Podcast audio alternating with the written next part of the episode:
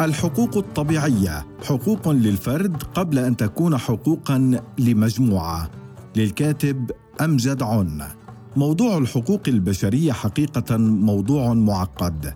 حتى ضمن المجتمع العلمي نشاهد معارك طاحنة بين الفلاسفة والمفكرين في حديثهم عن تعريف الحقوق وتحديدها. في الواقع توجد ثلاث مذاهب فكرية كبيرة تحاول اكتشاف المكان الذي تأتي منه الحقوق. المذهب الأول يتحدث عن كون الحقوق تأتي من الآلهة. الآلهة يعطي حقوقا ويحدد واجبات للأفراد ويصمم منظوماتهم المجتمعية ويليهم مؤسساتهم القانونية. من أهم الانتقادات الموجهة لهذا المذهب أن إثبات هذه الحقوق يتطلب خطوة مسبقة وهي إثبات وجود الآلهة. كما أن البشر يمتلكون آلهة كثيرة وكل معتنق لمعتقد مقتنع بأن معتقده هو الصحيح ما يحتم وقوع الصدام. في العلم نحتاج إلى التدقيق في كل الخطوات الموضوعة للوصول إلى الاستنتاج. أما في الإيمان فعلينا تجاهل ذلك وتسليم بشيء ما. وإن كان مستحيلا يمكننا القول عنه إنه معجزة إلهية دون الحاجة للاهتمام بتفسير علمي. ثم بعد ذلك وبسبب وجود الكثير من الآلهة والمعتقدات نقع في مشكلة ثانية. فهذه المعتقدات قد تتفق مع العموميات مثل إلغاء العبودية واحترام حياة البشر إلا إنها تختلف بشكل جوهري في التفاصيل مثل مواضيع الزواج والعمل وأنواع الطعام المسموح والأعمال المشروعة بالإضافة إلى الاختلافات في المحرمات. المذهب الثاني. يعتبر أن السلطة هي مصدر حقوق الأفراد. الدستور والقوانين فقط هي ما يعطينا حقوقنا ويحدد لنا واجباتنا. ومن الانتقادات الجوهرية الموجهة لهذا المذهب أن الدستور والقوانين موضوعه من بشر أيضا وبالتالي هذا يعطي لبعض البشر القابعين على هرم السلطة القدرة على التحكم بحقوق الآخرين وتحديد واجباتهم كما أنه يجعل السلطة مغرية أكثر بسبب ما يرافقها من قوة على تغيير الواقع وفرض المعتقدات على الآخرين.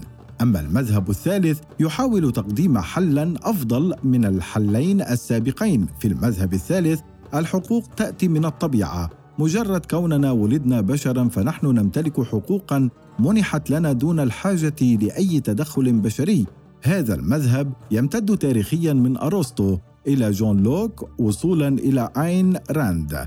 أرسطو يعتبر أننا طبيعيا نولد بمزايا معينة تعطينا قدرات مختلفة عن باقي الكائنات. أهمها قدرتنا على عقد الاتفاقيات وإبرام العقود فالبشر يمتلكون القدرة العقلية لعقد اتفاق طويل الأمد يحددون من خلاله حقوقهم وواجباتهم. وكلهم يولدون بشكل متساو فلا أحد يولد سيدا ولا أحد يولد خادما. كثيرون من الآباء المؤسسين للولايات المتحدة الأمريكية كانوا متأثرين بذلك ولذلك حاولوا إدخال هذه الفكرة في الدستور الأمريكي. فالحكومة لا تمتلك السلطة على أحد إلا من خلال موافقة ذلك الفرد على منح الحكومة هذه الصلاحيات أي بالتراضي. يعتبر جون لوك أن هناك ثلاثة حقوق طبيعية. أي تأتي من الطبيعة بمجرد أن نولد بشرا وهي حق الحياة حق الحرية وحق الملكية الشخصية.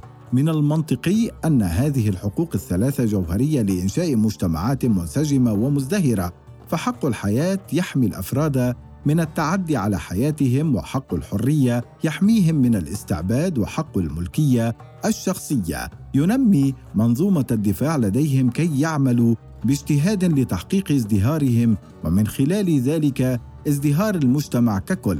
تتفق آيان راند في فلسفتها مع فكرة الحقوق الطبيعية إلا أنها تضيف القليل عليها هي واحدة من الفلاسفة المؤثرات جدا ودافعت في مؤلفاتها عن الفردية بشكل كبير كما رفضت التسلط الحكومي ونادت بفصل الاقتصاد عن الدولة بشكل مشابه للعلمانية التي فصلت الدين عن الدولة وحققت بذلك مزيدا من الازدهار والاستقرار. عند الحديث عن الحقوق ترفض أين راند فكرة المجموعات سواء كانت أقليات أو أكثريات وتعتبر أن تأطير المجموعات يشكل عقبة في وجه الحريات. وبالرغم من الدافع الذي قد يهدف إلى حماية الأقليات فإن النتائج حسب رأي راند قد تكون في الغالب كارثية فتنتج تمييزا مضادا بدلا من الانسجام. تقول إن الأقليات الأصغر على الأرض هي الفرد. أولئك الذين ينكرون حقوق الفرد لا يحق لهم الادعاء بحماية الأقليات. ما نشاهده اليوم من حملات رافضة للمثلية هو في الحقيقة حملات رافضة لحقوق الفرد الطبيعية. تحديدا حق الحرية هذه الحملات وحملات اليمين المتطرف الغربي أو اليسار المتطرف الغربي تتخذ اشكالا مختلفة ولكن القاسم المشترك بينها أعمق من كره فئة محددة في المجتمع. القاسم المشترك بينها هو الرغبة في مزيد من السلطة للتدخل في حياة الفرد والتحكم بها. بالطبع ليس من حق احد إجبار أحد آخر على محبة فئة معينة.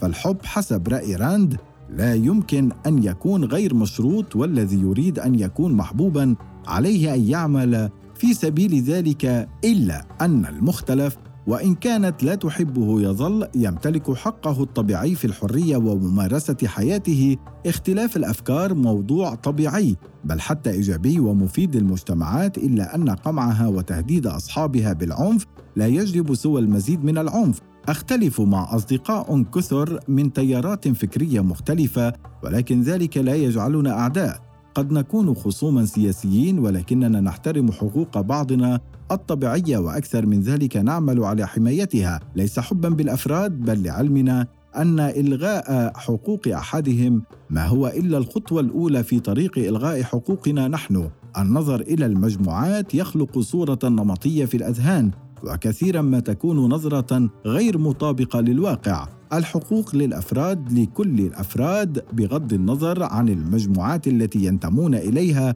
أو يحاول غيرهم أن يؤطروهم ضمنها بالإكراه.